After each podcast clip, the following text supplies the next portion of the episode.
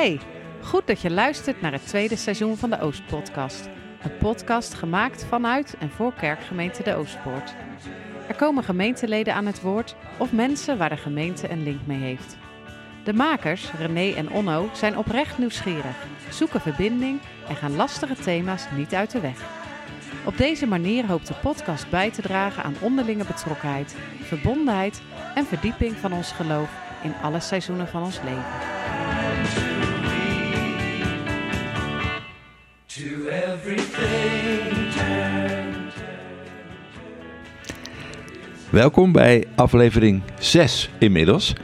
We zitten aan tafel met eh, Gerrit Hortensius. We zijn eh, uitgenodigd in de Flat Marie aan de Ridder van Katsweg. We kijken aan de ene kant uit op de Ridder van Katsweg en eh, de Clubhoeve. Eh, en aan de andere kant eh, de Prinshof. Eh, en ja, het is een mooi plekje waar eh, Gerrit en Leni wonen. Maar we willen toch ook aftrappen met een wat minder mooi verhaal. Ja, dat, dat, dat klopt. Ja. Het is misschien goed om wat context te geven. Het is zo dat we, we hebben een voorgesprek gehad met Gerrit en met Leni. Mooi gesprek, daar begon het al. ja, Maar na het gesprek heb jij een mail gestuurd met wat vragen. En dat waren nou, relatief simpele vragen. Dat ging over opvoeding, eh, dat ging over eh, geloof. Gewoon om wat ja, eigenlijk een idee te geven voor hoe wij het gesprek voor ogen hadden. Maar die vragen die hebben heel wat opgerakeld. Hij is op ons verzoek gaan nadenken over zijn jeugd. En dat maakte eigenlijk...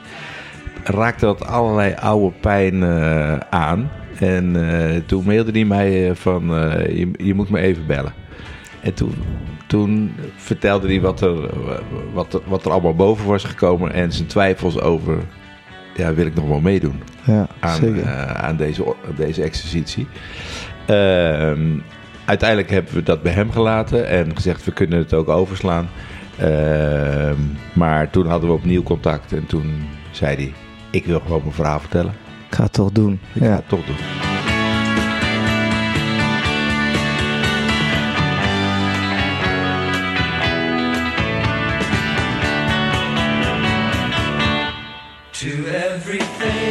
Gerrit, welkom in onze podcast in je eigen huis. Dankjewel. Waar gaan we beginnen? Zullen we eens terugkijken hoe je leven zo gelopen is? 84, respectabele leeftijd. Hoe, hoe was het als jonge jongen, opgevoed in Gouda? Ehm, kun je daar nog iets over vertellen? Ja, als ik eh, terugdenk aan mijn jeugd, aan mijn hele vroegste jeugd, zeg maar van 1937 tot 1950, die jaren, dat zijn eigenlijk jaren geweest waar, als ik daarop terugkijk, dat het me weer heel veel pijn en verdriet kost. Het zijn hele moeilijke, intens moeilijke jaren geweest. Ik ben ehm, opgegroeid in de gereformeerde gemeente.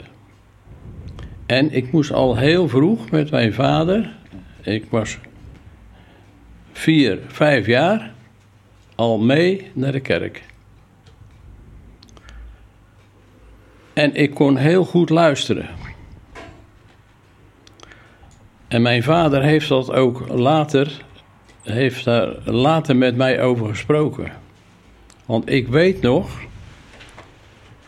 en ik weet ook nog van die pepermuntjes, maar dat hij me pepermuntjes voerde. En dan in mijn oor fluisteren, breek ze maar in vieren, want dan doe je er het langst mee. Want hij zag wel aan mij dat ik heel veel opnam waarvan hij dacht dat is niet goed voor hem om dat te horen. Hm. Later heeft hij me dat ook eerlijk verteld. En eh, we hebben daar ook nog wel een, een gesprek over gehad. Ja, en dan ga je verder met je jeugd. En, en dan in diezelfde tijd, misschien ietsje later, een jaartje later, ben ik ook nog eh, eh, door iemand eh, benaderd die niet van mij af kon blijven. Hmm. En dat alles bij elkaar is eigenlijk, dat heeft veel impact op mij gehad. Dat heeft me tot ver in mijn huwelijk, is dat met me meegegaan. En daar heb ik heel veel last van gehad. Dus wat dat betreft is mijn jeugd niet een jeugd geweest waarop ik heel blij op terug kan kijken. Maar goed, je gaat dan zo je eigen gangetje en je verwerkt dat allemaal binnenskamers. En je praat er ook met niemand over. Want er was eigenlijk niemand die, eh, waar ik nou eens openhartig eh, mee kon praten. En vertellen wat er eigenlijk in mij leefde. Dus ik sleepte dat met mij mee, de oorlog door. En wij hadden natuurlijk ook nog heel veel honger. Dus eh, er waren ook in die tijd waren er ook nog ja, heel veel problemen om aan eten eh, te komen. Waar ik dan ook, eh, ja, ook nog aan meedeed om dat eten te zoeken en op de een of andere manier aan te komen. En eh, ja, dat helpt ook allemaal niet natuurlijk om eh, je jeugd zo gelukkig te maken. Waarom wilde u dit vertellen? Nou, eigenlijk was ik van plan om het niet te vertellen. Nee. Omdat eh, toen ik me voor ging bereiden op deze podcast, is dat allemaal naar boven gekomen. En ben ik een paar dagen helemaal van slag geweest. En op een gegeven moment zei ik tegen Leni, ik, ik stop ermee. Ik bel de jongens maar op en dat het niet doorgaat. Ik kan dit niet aan. Dus, eh, maar eh, toen, eh, kort daarop, heb ik een gesprek gehad met mijn dochter. Via de telefoon, want zij woont in Bovenkaspel. Dus ze kon ook niet komen, want ze is ook niet goed. En daar heb ik een, een gesprek mee gehad, een goed gesprek mee gehad. En die zondag erop, toen kwam mijn zoon. En daar heb ik eh, ook een heel goed gesprek mee gehad. En eh, dat eh, komt hierop neer dat hij ook vertelde dat hij samen met zijn vrouw ook zo'n cursus gedaan had van ehm, traumaverwerking. Oh ja. Omdat hun negen kinderen hadden, pleegkinderen hadden en ook nog een, twee geadopteerd. En ze wilden natuurlijk wel eh, weten eh, hoe ze daarmee om moesten gaan. En dus ze hebben daar die cursus eh, voor gedaan. En ik heb daar met hem een gesprek over gehad. En, en dat heeft mij heel goed gedaan. En een paar dagen later heb ik er nog eens goed over nagedacht. En toen dacht ik op een gegeven moment, ja, dit hoort toch eigenlijk bij mijn leven. Ja. En toen heb ik tegen Leni gezegd van, ik ga het toch doen. Ja. Want het, het hoort gewoon bij mijn leven. Het, en dat, dat past ook in de rest van de, van, de, van de meditatie en van mijn leven natuurlijk. Ja. De, voor u, de, de podcast, of voor jou, sorry. Ja, ik ging weer. hè. De, voor, voor jou, de podcast voelde niet eh, een soort van compleet als je dit gedeelte los zou trekken van het Ja. verhaal verder. Ja, Ja. ja. ja. Ja. Nou, eh, allereerst heel moedig eh, dat, je, dat je het wil vertellen. Eh, moedig inderdaad over eh, terugkijken op de jeugd, dat dat eigenlijk een hele eh, in- intense beleving is geweest. eh, met, met heel veel emoties. Ehm, en nu, ehm, het, het geloven, ja, negatieve ervaring ook al met geloven. U moest naar de kerk, eh, dingen die u hoorde, zei u al. Eh, wat waren de dingen die u hoorde waarvan je dacht, waar je vader van dacht, nou, het is, het is goed dat, dat ik ehm, hem wijs op de pepermunt eh, die eh, in vier gedeeld kan Doe, worden. doe je echt langer met een pepermunt als je hem in vieren doet eigenlijk. Ja, het is zo, ja, die, pe- die pepermunten, dat weet ik nog wel. En, eh, maar het verbaasde mij ook wel dat mijn vader dat, dat deed. En, en wat hij er ook nog bij zei natuurlijk. Ja. Later heb ik dat natuurlijk wel begrepen. Ja, dat eh, hij dacht bij zichzelf, dan is hij voorlopig weer even aan de straat, om Ja. het zo maar te zeggen. ja, ja. Ja. Maar wat was, wat was hetgene waar hij je eigenlijk voor wilde beschermen dan? Omdat hij merkte dat ik heel goed luisterde. Hij merkte gewoon aan mij dat ik alles opzoog. Ja. En dat heeft me eh, toen achteraf heel veel verdriet gebracht. Alleen later, in mijn werk als ouderling, heb ik daar weer heel veel aan gehad. Ja. En dan is het de informatie die je meekreeg in de kerk. Daar gaat het. Tenminste, of, of Nee, dat zeker niet. Maar wel eh, om, dat, eh, eh, om dat om te zetten in een, een mooi verhaal van wat ik later hoorde. ja, precies. Ja. Ja. En daar, en daar kon ik eh, de mensen mee bemoedigen en mee troosten. Ja.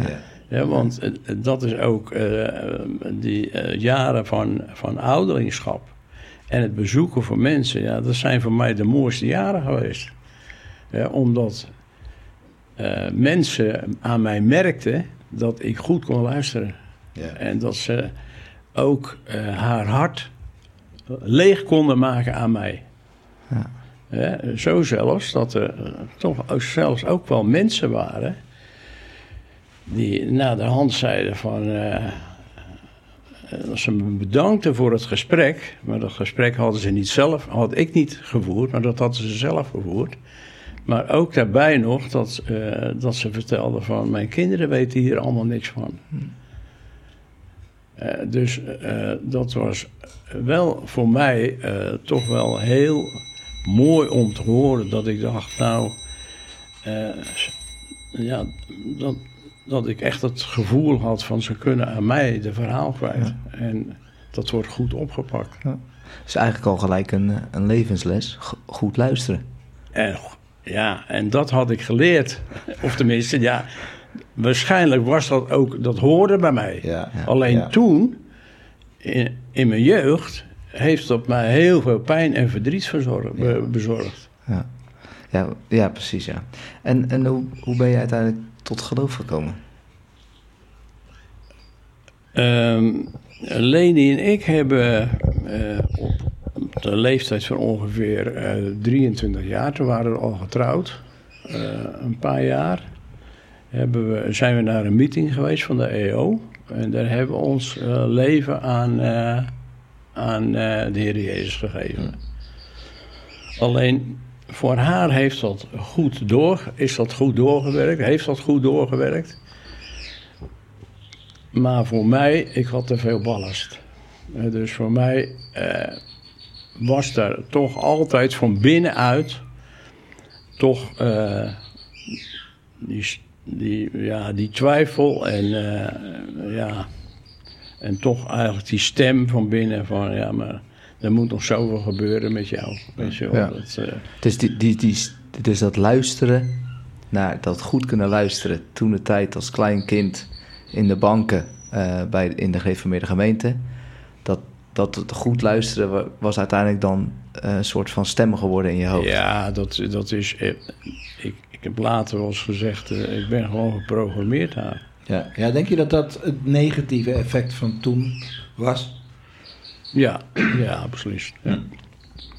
En ik weet gewoon van mensen die, eh, die ik later ook al gesproken eh, heb, eh, die datzelfde meegemaakt hebben Ja. en ook daar de leven lang last van gehad hebben. Ja. ja, dus dat kleeft dan echt. Ja, dat, dat, dat hoorde gewoon bij mij. Die stem, die was er altijd van... want ik was niet uitverkoren en ik, ik, kon alleen maar, ik kon alleen maar gered worden als ik uitverkoren was. Maar ik voelde, want ik was gewoon toch altijd een ondeugend jongetje. Dus ik voelde, ja, dat, dat is natuurlijk dan zeker niet voor mij. Hè, dus eh, ik viel buiten de boot, om het zo maar te zeggen. En ik bedoel, de hel die kwam regelmatig om de hoek eh, kijken natuurlijk. Dat werd er ook eh, wel bij gezegd. Ja. Ja. En dan het, het, het hele kromme van dat verhaal is dat ehm, je moest je bekeren. En er werd iedere zondag moest je je bekeren. Dat hoorde ik iedere zondag. Maar er werd wel bijgezegd, je kan jezelf niet bekeren. Ja, ja. Dan gaat er maar aan staan. Ja. Ik bedoel, dit is zo verwarrend en zo eh, eh, niet logisch. Maar toch, geprogrammeerd in je hoofd, dus ergens lijkt het of... Inderdaad, ga er maar aan staan. Ja. Het lijkt bijna waarheid. Maar je zegt, ik kon dat stukje kon ik eigenlijk niet kwijt. Dus het, is een, het was een eenzame strijd dan die je Het was voortdurend... een verschrikkelijke strijd. Ja. Ik heb eh, nachten, en toen was ik nog heel jong hoor, mooi nagaan. Dan was ik nog eh, vijf, misschien zes jaar. Dat ik legde baden van het zweet in mijn bed. Want ik ging naar de hel. Ja. Ik was verloren. En ik weet nog, mijn vader was kleermaker. En ik heb heel weinig contact met mijn vader gehad, omdat die man die moest zo hard werken op de dag en s'avonds nog voor het gezin boven in zijn kamertje. eh, eh, repareren voor het gezin en eh, zorgen voor het gezin. Maar ik weet nog dat ik één keer zo ontzettend benauwd was en, en, en radeloos was, dat ik uit mijn bed stapte en naar dat kamertje ging.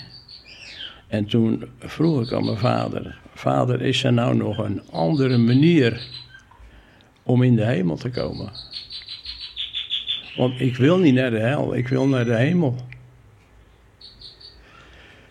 Dus je, je kan nagaan hoe diep dat zat. Ja. En al zo jong dus. En een heel En- menig en- kind van vijf, zes jaar, die Ja. is met hele andere dingen bezig. Ja, Dus was ook wel heel gevoelig. ja heel gevoelig. En ik was ook een heel gevoelig kind. Ja. Hè, dat kwam er natuurlijk nog bij. En eh, toen, toen. En ik wachtte op een antwoord. Maar mijn vader. Die wist er eigenlijk ook niet goed raad mee. Dus eh, ik keek maar naar hem. Ik keek maar naar hem. Hij had zijn, zijn werk stilgelegd. En hij zat maar naar buiten te kijken. En ik dacht van. Komt er nog een antwoord? Ja. Toen zegt hij op, op een gegeven moment tegen me, toen keek hij me aan en toen zegt hij, jongen, ga nou terug naar je bedje. En ga op je knieën. En dan zeg je tegen de Heere God, Heere, uw naam staat op mijn voorhoofd. U bent het aan mij verplicht. Begrijp je? Ja. En op dat moment, en dat heb ik ook gedaan natuurlijk.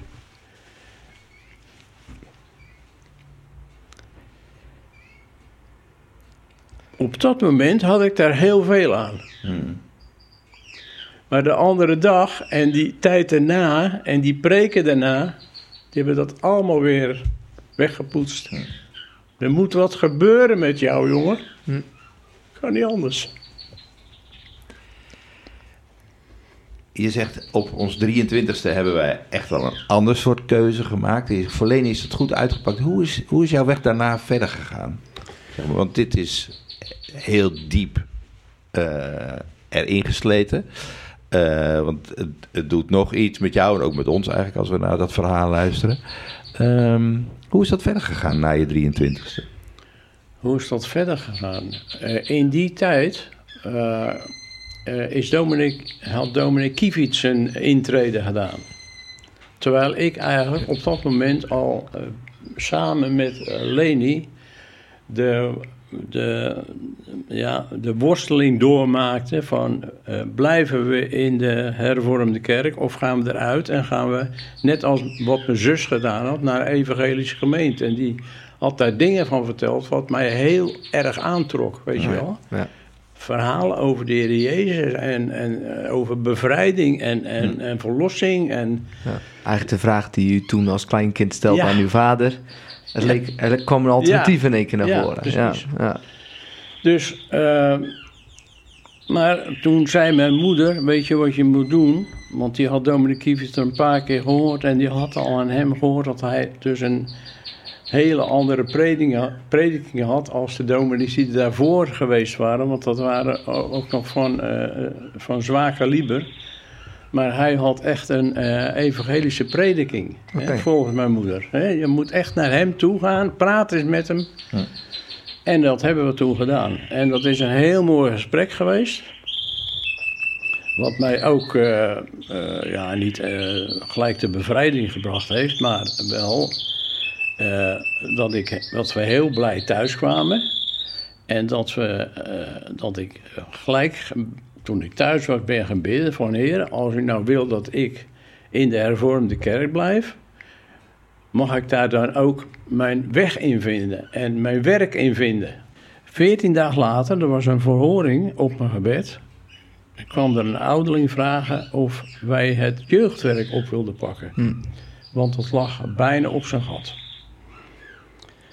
En eh, dat hebben we gedaan. Leni is eh, met de meisjesclub eh, begonnen. En ik eh, ben met de jongensclub begonnen. Oh, Badja. Oh, Badje. Ja, dat weet ik nog. En hij heeft daarop gezeten. Ja, zeker. Mooi. Maar goed, het is ook wel bijzonder dat je dus...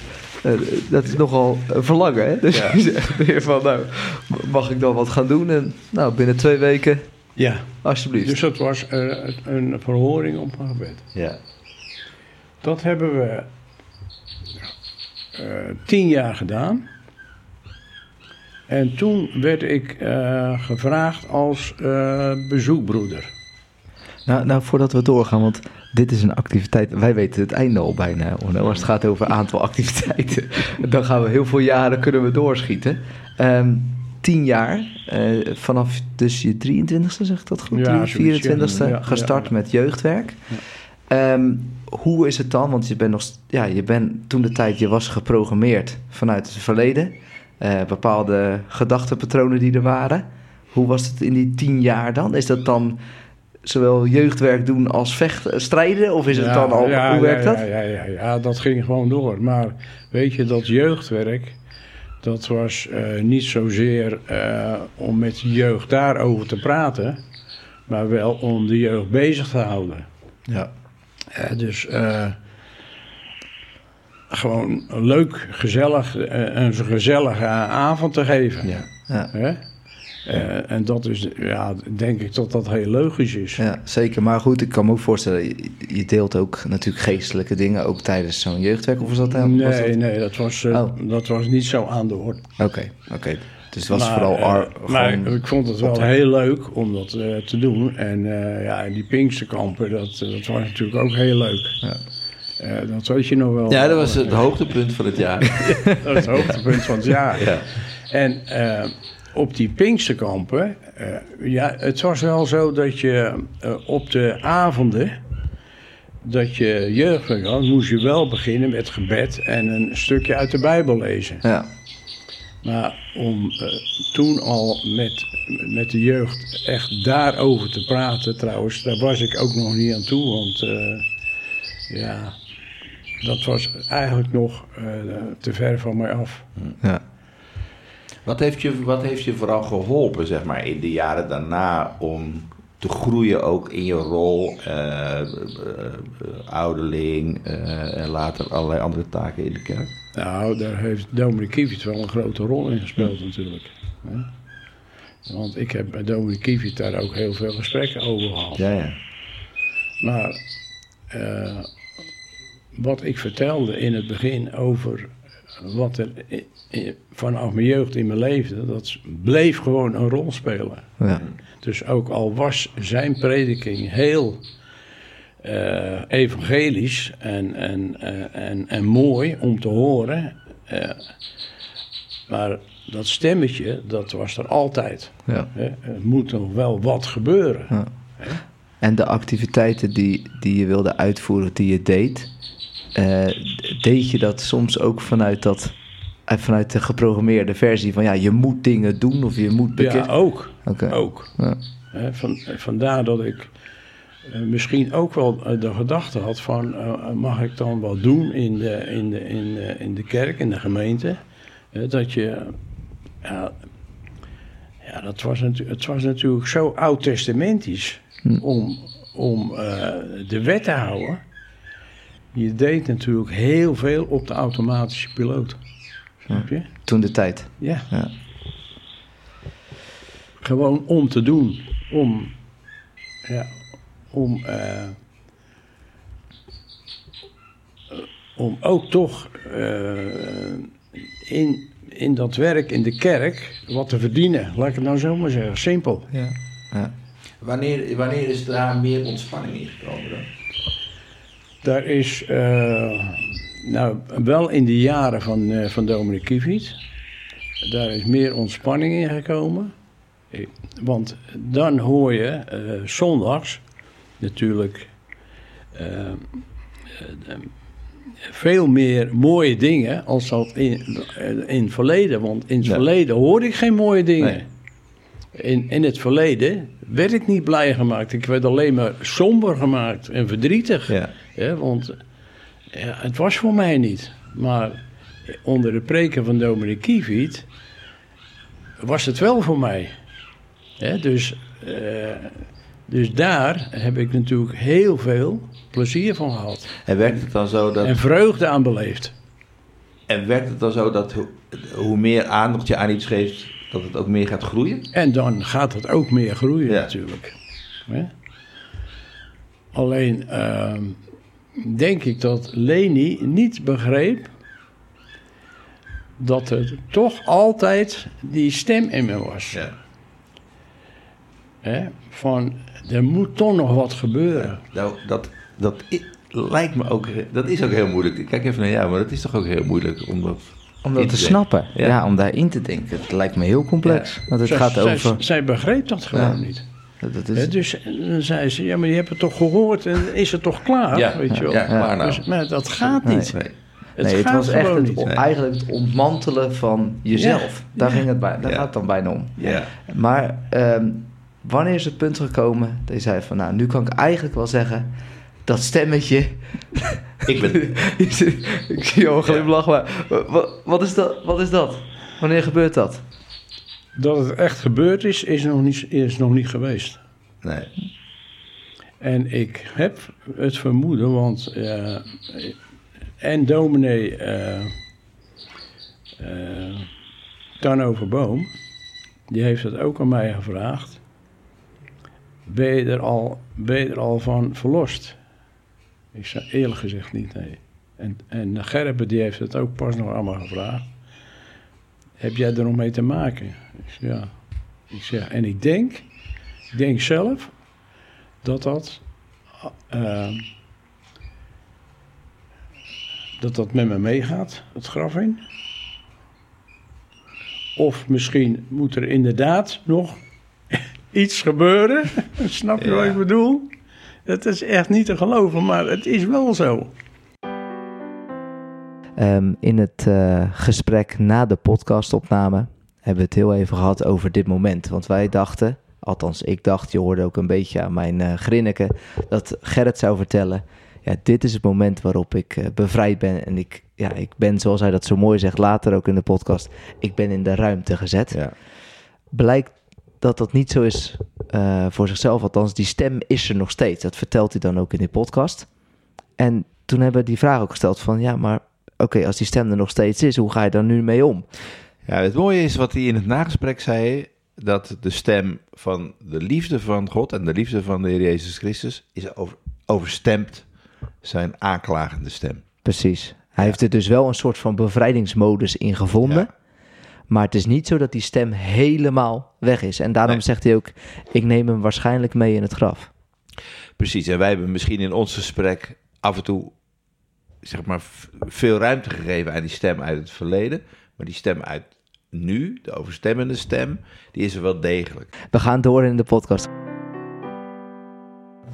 Toch heb je aan heel veel mensen ook eh, over de Heer Jezus verteld. Je hebt verteld dat je ook eh, af en toe meditaties hield.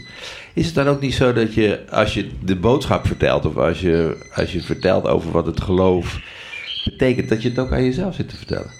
Ja, dat is nou het wonderlijke en ook tegelijkertijd het mooie. Dat ehm, als ik bij mensen op bezoek was en ehm, die dan ook vertelden, hè, de worsteling daarover, eh, van eh, eh, eh, gewoon de geestelijke worsteling van het leven, de pijn van het leven, verdriet van het leven. Dat ik dan voluit hun het evangelie mocht vertellen dwars tegen mezelf in. En dat, ik, dat er zoveel mensen geweest zijn die daardoor echt tot ruimte kwamen. En het ook mochten gaan geloven. Dat is zo mooi om te horen. En zo mooi om te zien. En, maar het is heel dikwijls gebeurd dat ik dan daarna naar huis ging. En dan zei ik, heren, wanneer ik nou... Ja. Ja. Zoek het maar uit.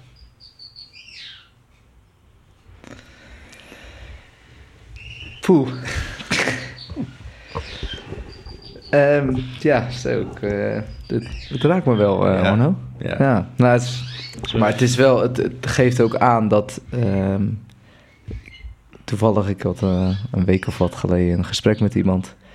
En toen hadden we het erover dat strijden is soms ook gewoon heel eenzaam en heel alleen. En zeker Ja. zelfs als vrouwlief, hè, dus waar, waar, je, waar je zo mee optrekt. Jullie hebben de, samen de, de clubs gedaan, opgetrokken, samen de insigne, waar we het vast nog over gaan hebben, ontvangen.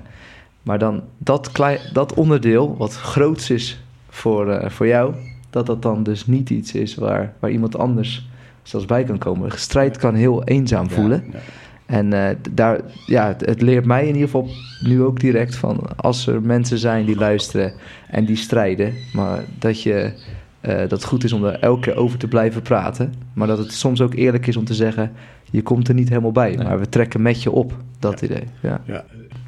Ja, wat, wat, Ja, we gaan want even- je hebt een heel, eh, we zeiden net al, we hoeven niet helemaal in alle activiteiten te duiken, maar je hebt een heel actief leven gehad in de kerk ook. Ja, ja. En dat is voor mij een schitterende tijd geweest.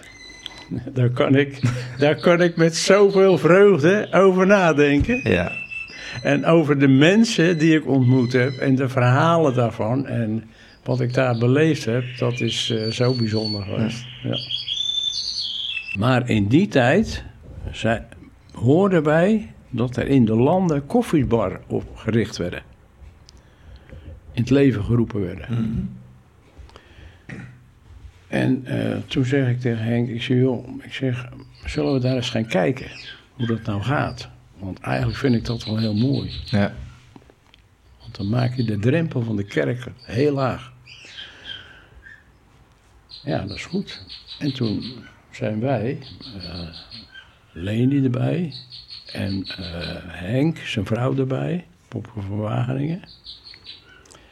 En eh, nog een ander stel, die we daarvoor warm gemaakt hadden, zijn we het land ingegaan. En zijn we nou, gaan kijken, hoe, hoe werkt dat? Ja. Hoe gaat dat? goede voorbeelden gezocht. Ja. En eh, hoorden we ook dat dat zo'n succes was. Dus toen hebben we vanaf dat moment hebben we besloten om de koffiebar in het leven te roepen. Is toch bijzonder hoe, eh, hoe God u zo heeft ingezet eigenlijk. Ja, ja. En eh, nou, daar heb ik eh, nog tien jaar actief aan meegedaan. En toen een beetje overgedragen aan de jeugd. Aan onze kerkelijke jeugd, die inmiddels hadden een groep om, ons- om ons heen verzameld. Bidgroepen, zanggroepen. We hebben, we hebben van, van die koffiebars eh, in het land hebben we eh, eh, materiaal gekregen om boekjes te maken. Dus we zaten samen zaten we allemaal boekjes eh, te maken. Eh, mooie eh, opwekkingsliederen. En zo zijn we eh, aan de koffiebar begonnen. En onze eerste koffiebaravond, dat was, want dat ging nog over de naam. Hè, eh, en eh, nou, op een gegeven moment kwamen we erachter dat het, eh, de naam Spuigat toch wel een hele mooie naam was. Sp- Spui maar wat je te vertellen hebt tegen jongens en meisjes die komen. Wij willen luisteren naar jullie. Wat hebben jullie te vertellen? Wat zit je dwars?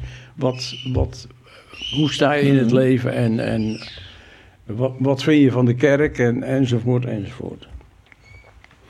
Nou, in principe kwam er eh, eh, in het begin heel veel kerkelijke jeugd op af. Maar er waren ook, eh, op een gegeven moment kwamen er ook mensen van buiten vandaan die het hoorden. En, eh, want die muziek die er gedraaid werd, dat was toch wel een heel ander soort muziek dan wat er in de kerk eh, gedraaid werd Ja, natuurlijk. ja. Dus het werd eh, leg- laagdrempeliger. en dat was Ja. echt het laagdrempelige. drempelige. En eh, nou ja, er zijn ook zulke mooie dingen gebeurd, joh, daar. Zulke mooie dingen. Ja, want daarover eh, gesproken. Wat is het mooiste eigenlijk dat God in je leven heeft gedaan? Wat God in mijn leven heeft gedaan, dat is dat hij mijn ogen geopend heeft voor het heil. Hm. Voor wie hij is. Eh, een eh, genadig en een barmhartig mens. Eh, een barmhartig en een genadig God. Hm. En, eh, en dat je van genade mag leven. Dat is eigenlijk. Eh, en eh, ik heb hier een, eh, een meditatie liggen, een korte meditatie. Die- Ja, want e- even die- zo'n meditatie, dat is hetgene wat je altijd deed de laatste, als ik het goed zeg, 20 jaar denk ik. 22 jaar. 22 jaar bij de oudere da- zoons. Want daarna, Mr. Meditatie. na, na dat evangelisatiewerk, toen eh, heb ik nog vijf jaar op de club eh, eh, Ja, hierachter. Ja. als hulp gewerkt. Ja. Dus, om ook die verstandige handicapten te vermaken, om het zo maar te zeggen. Ja. Alleen daar kon ik niks kwijt, want dat mocht ook niet. Hè? Het is een neutraal gebeuren daar. Dus, en dat, dat vond ik altijd wel jammer. Maar dat heb ik vijf jaar gedaan. En toen kwam Bakker. Ja. Adrie Robert. Bakker. Robert. Robert. Robert, die kwam naar me toe en eh, in opdracht van de Rooi eh, of ik eh, eh, de oudere groep wilde gaan leiden. En dat is iets wat je maar liefst 22 jaar hebt gedaan. Ja, samen met samen Leni, met eh Ja. Leni. Ook samen met Leni. Ja. Ja. En daar, daar deed je altijd Daar deed je altijd de, een de meditatie befaamde houden. meditatie. Ja. ik, eh, Je hebt voor ons inderdaad een... eh we hadden het gevraagd om een meditatie ook te schrijven. Ja, misschien wel een mooi moment om dat gewoon eh, te doen, toch? Ja. Ook in deze podcast. Nou, ik heb er niet hiervoor één geschreven, maar ik heb er één die mij in, eh, in de jaren eh, heel veel gedaan heeft. Waardoor ik echt eh, een stuk bevrijding gevoeld heb. Dat is een meditatie naar aanleiding van eh, Psalm 62. Met als thema eh, wees stil, mijn ziel, wees stil. Maar er zit wel heel veel pijn achter dit mooie lied en achter dit stukje evangelie. Mijn ziel is op dat moment als een woestijn, een dorstig land zonder water. Is er dan niemand die mijn dorst kan lessen? Hij is op dit moment de eenzaamste mens op aarde. Deze man. Doodmoe en uitgeput. Van de aanvallen van binnenuit. Ze zijn zo heftig en zo pijnlijk. Misschien worden ze wel veroorzaakt door diegene die je het meeste lief hebt. En dan is er nog de vraag die iedere keer weer naar boven komt. Is God er wel? Weet Hij er wel van? En juist dat maakt de eenzaamheid nog groter. Maar, zei de Heer Jezus dan niet, wie mij zoekt, vindt mij? Maar hij had toch al geroepen, mijn ziel dorst naar u. Ik smacht van verlangen naar een ontmoeting met u. Waar bent u dan? En dan plotseling gebeurt er iets, een stem. Is het mijn stem of is het de stem van God? Stil, mijn ziel, wees stil. Is het toch de stem van God, waarvan je soms denkt, is hij er wel? Die God die met zijn vaderlijk mededogen je zachtjes toe kan fluisteren, stil, mijn ziel, wees stil. En wees niet bang voor de onzekerheid van morgen. Ja, dat moet hij toch zelf zijn? Eerst waren er andere stemmen die jou er nog onder wilden krijgen. Die je pijn willen doen. Stemmen uit het verleden. Maar deze stem is zo anders, zo liefdevol. Hij fluistert rechtstreeks in mijn hart. Want er staat van hem geschreven: Hij zal niet schreeuwen en niet zijn stem verheffen. Dus het moet zijn stem zijn. Stil worden, tot rust komen bij hem. Nee, het valt niet mee. Ik weet er alles van. Want juist in de stilte kunnen onze gedachten weer een vlucht nemen. Naar wat ons bezighoudt, wat ons pijn kan doen, dingen uit het verleden die, waar we niet aan herinnerd willen worden. Daarom is het goed in die stilte God aan het woord te laten en terug te denken aan alles wat Hij in het verleden voor mij gedaan heeft. En dat Hij er altijd voor ons is. Het is goed je vast te houden aan die belofte. Ik ben er, ik ben er altijd. Dat is toch mijn naam? Ik ben boven je, zodat ik kan zien. Ik ben onder je om je op te vangen als je dreigt te vallen. Het gaat bijna net zoals bij een arend, die zijn jongen beschermt en verzorgt totdat ze zelf kunnen vliegen. Ik zei bijna met een streepje onder bijna, want nooit zullen wij helemaal zelf kunnen vliegen. Altijd zullen we Hem nodig hebben. Weten we het nog? Dag en dag draagt Hij ons. Toen jij in een van de zwartste nachten niet meer kon en je dacht, nu moet ik alleen verder, toen was ik er. Juist toen heb ik je gedragen. En nu kun je zeggen, dank u wel, vader, dank u wel, vader. Nu rust ik alleen in u. Van u alleen is mijn heil.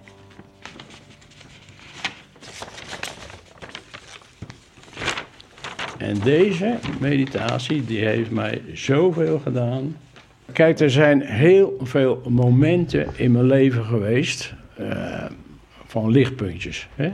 Maar er waren ook altijd weer die donkere puntjes. Hmm.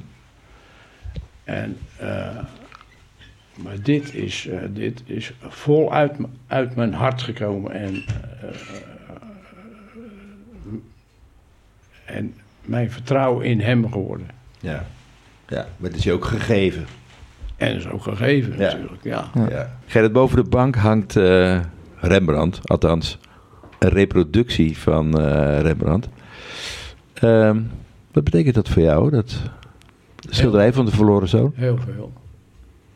Dat, eh, dat is een eh, schilderij wat mij eh, terugbrengt bij het verleden. En dat ik eh, aan mag komen bij de vader. Dat is ook een blij vooruitzicht. Ja, zou ik hem blijven. Ja, zeker. Nog, ik denk, we moeten richting een afronding. Ja. ja, we wilden eigenlijk... Het is misschien wel veel te groot hoor om over te hebben. Ehm, maar we dachten van ja, 84. het, ehm, dan ga je ook... Ben je al een, een aardig stukje op weg in je leven. Heb je in ieder geval de meeste aardappels wel gegeten. Ehm, maar we wilden het eigenlijk met je hebben over, over eh, de dood. En of dat nou iets is waar je dan over nadenkt als je wat ouder wordt. Ja. Het is niet een thema waar je heel makkelijk over praat, denk ik. Ja. Maar... Moet ik er nog een meditatie bij Nee. is dat... Hoe gaat dat? Ik heb, ik, heb, eh, ik heb daar een eh, meditatie eh, over gemaakt. En dat, oh, ik liep op een gegeven moment in, in, in, in Stolwijk, in de polder. Je kan dus lekker in de polder lopen daar. Ja. En het is zo stil. joh. Zaterdagsmorgens en zondagsmorgens. Geen sterveling. Hmm. En ik loop er in mijn eentje, weet je wel. Dat is zo heerlijk. Dat kan ik je niet vertellen. Nog, Ik nog snap- even een tip, hè, tussendoor. Ja, ik, ik snap gewoon, men- dus ik loop langs al die huizen en iedereen slaapt nog, weet je wel. Komt Zonder weten. Ja, zonder- Ja. Maar st- let maar op, want straks na deze oproep loopt iedereen... Oh, Ja. en dan moet u een ander moment Goed, gaan kiezen. Ik, ik, eh, ik, ik liep daar En eh, wat zie ik? Ik zie hazen in het, eh, krijgen te spelen met elkaar, een stuk of vier bij elkaar. Ik zie een, een, een, eh, een snoep uit het water springen. Ik zie een, eh, een, een, een, een Meerkoet? meerkoet, ja. met een, met een, zo'n, zo'n klein jong beestje op zijn rug, weet je wel. En ja, die keek me als het ware aan van, eh, zie, wat, eh, zie je mij lekker varen? Hè? Eh, en die andere erachteraan. En op dat moment, toen dacht ik van, jongen, wat is dit toch een cadeau, hè?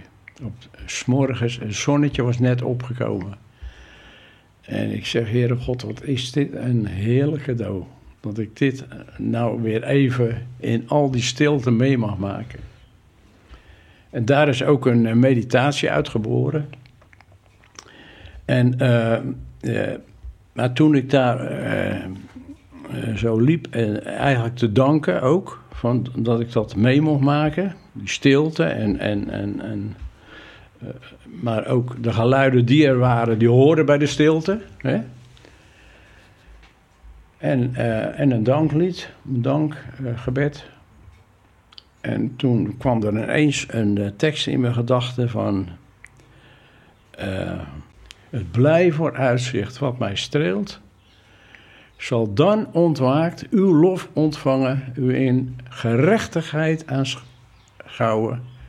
verzadigd van uw goddelijk beeld. Hm. En eh, dat was de tekst trouwens, die ik bij mijn moeder sterven nog tegen haar uitgesproken had. Het was, dat was een paar minuten voordat ze stierf, want ze was nog helder bij geest. En toen zeg ik, moeder, en toen noemde ik die tekst. En toen zegt ze tegen oh Gerrit, wat zal dat wezen? Weet je wel. En die tekst kwam toen in mijn gedachten. En, eh, en toen zei ik er ook achteraan, in die meditatie dan... van nu kijken we nog door een wazige spiegel... maar dan, als we bij hem zijn, mogen we hem helemaal zien. Vol in het licht. En genieten van wie hij is en wat hij voor ons betekent. En eh, ja, dat is iets wat je. eh, dus eh, het is nu in ieder geval wel zo dat als ik aan de dood denk, dan denk ik daaraan. Ja. Dat zal een, een- een- zo'n vreugde zijn en zo het blij voor uitzicht wat mij streelt. Zal dan ontwaakt uw lof ontvouwen, u in gerechtigheid aanschouwen, verzadigd van uw goddelijk beeld.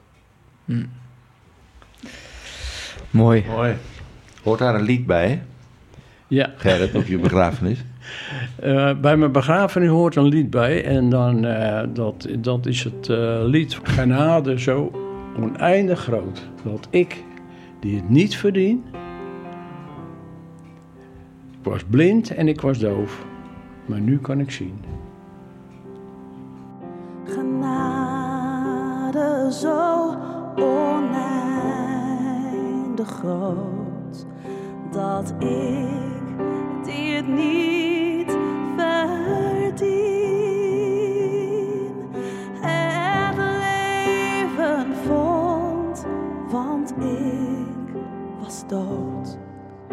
was blind, maar nu kan ik zien. Genade zo oneindig groot. Eh, we hebben geluisterd naar de opwekking 428. Ofwel, Amazing Grace. inderdaad, een vertaling van Amazing Grace. Ehm, we gaan dit afsluiten. We gaan het gesprek afsluiten. Het was een heel mooi gesprek, een kwetsbaar gesprek. Daar hebben we van geleerd. Ja. Ehm, althans, wij hebben ervan geleerd. En ik hoop ook dat als jij als luisteraar eh, eh, mee hebt geluisterd, dat je denkt van ja, ik heb hier ook van geleerd. Mocht het nou zo zijn dat dit ook bij jou een bepaalde, bepaalde gevoelens hebt heeft opgewekt, bepaalde emoties heeft losgemaakt. eh, wij hebben ook het pastorale team hebben we hiervan op de hoogte gesteld. Gerrit is heel open geweest, heeft veel gedeeld. Maar we beseffen ons dat dat ook iets los kan maken. Ja, schroom niet. Deel je verhaal. Gerrit zei ook, het lucht enorm op. Ehm, en het laat iets van je ballast... eh, het helpt iets om van je ballast kwijt te raken, zeg maar. Zeker. Ja. Ehm, wij gaan volgende keer weer in gesprek. Dat doen we met een, eh, een bekende. Oudweek, predikant. Oud-wijkpredikant Corbett, Corbett Roy. Roy. Ja. Ja, dus, eh, nu gaan we het horen Ja, van, van zijn kant. Hoe hij Ja. het heeft beleefd om ook als predikant onderdeel te zijn van onze uh, Oostsportgemeente. 45 jaar predikant, hè? Inmiddels. Afgelopen jaar. Dat is Ja, Echt heel lang. geweldig. ja. Eh, tot de volgende.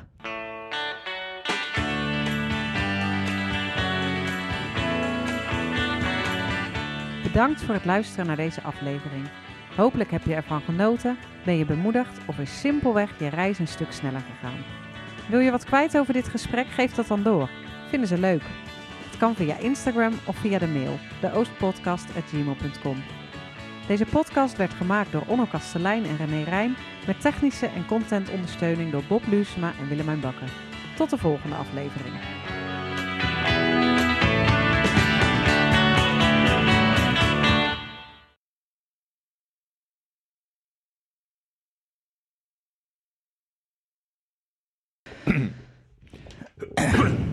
Goed. Dat, dat hoor je wel. Als Ja, je dat hoor je goed. Als je dat doet, dat hoor je. dat, is, dat, is, dat is goed Dat voor is niet de... de bedoeling. Nee, doe dat maar niet. Dan krijgen we Bob die straks zo... zo zit.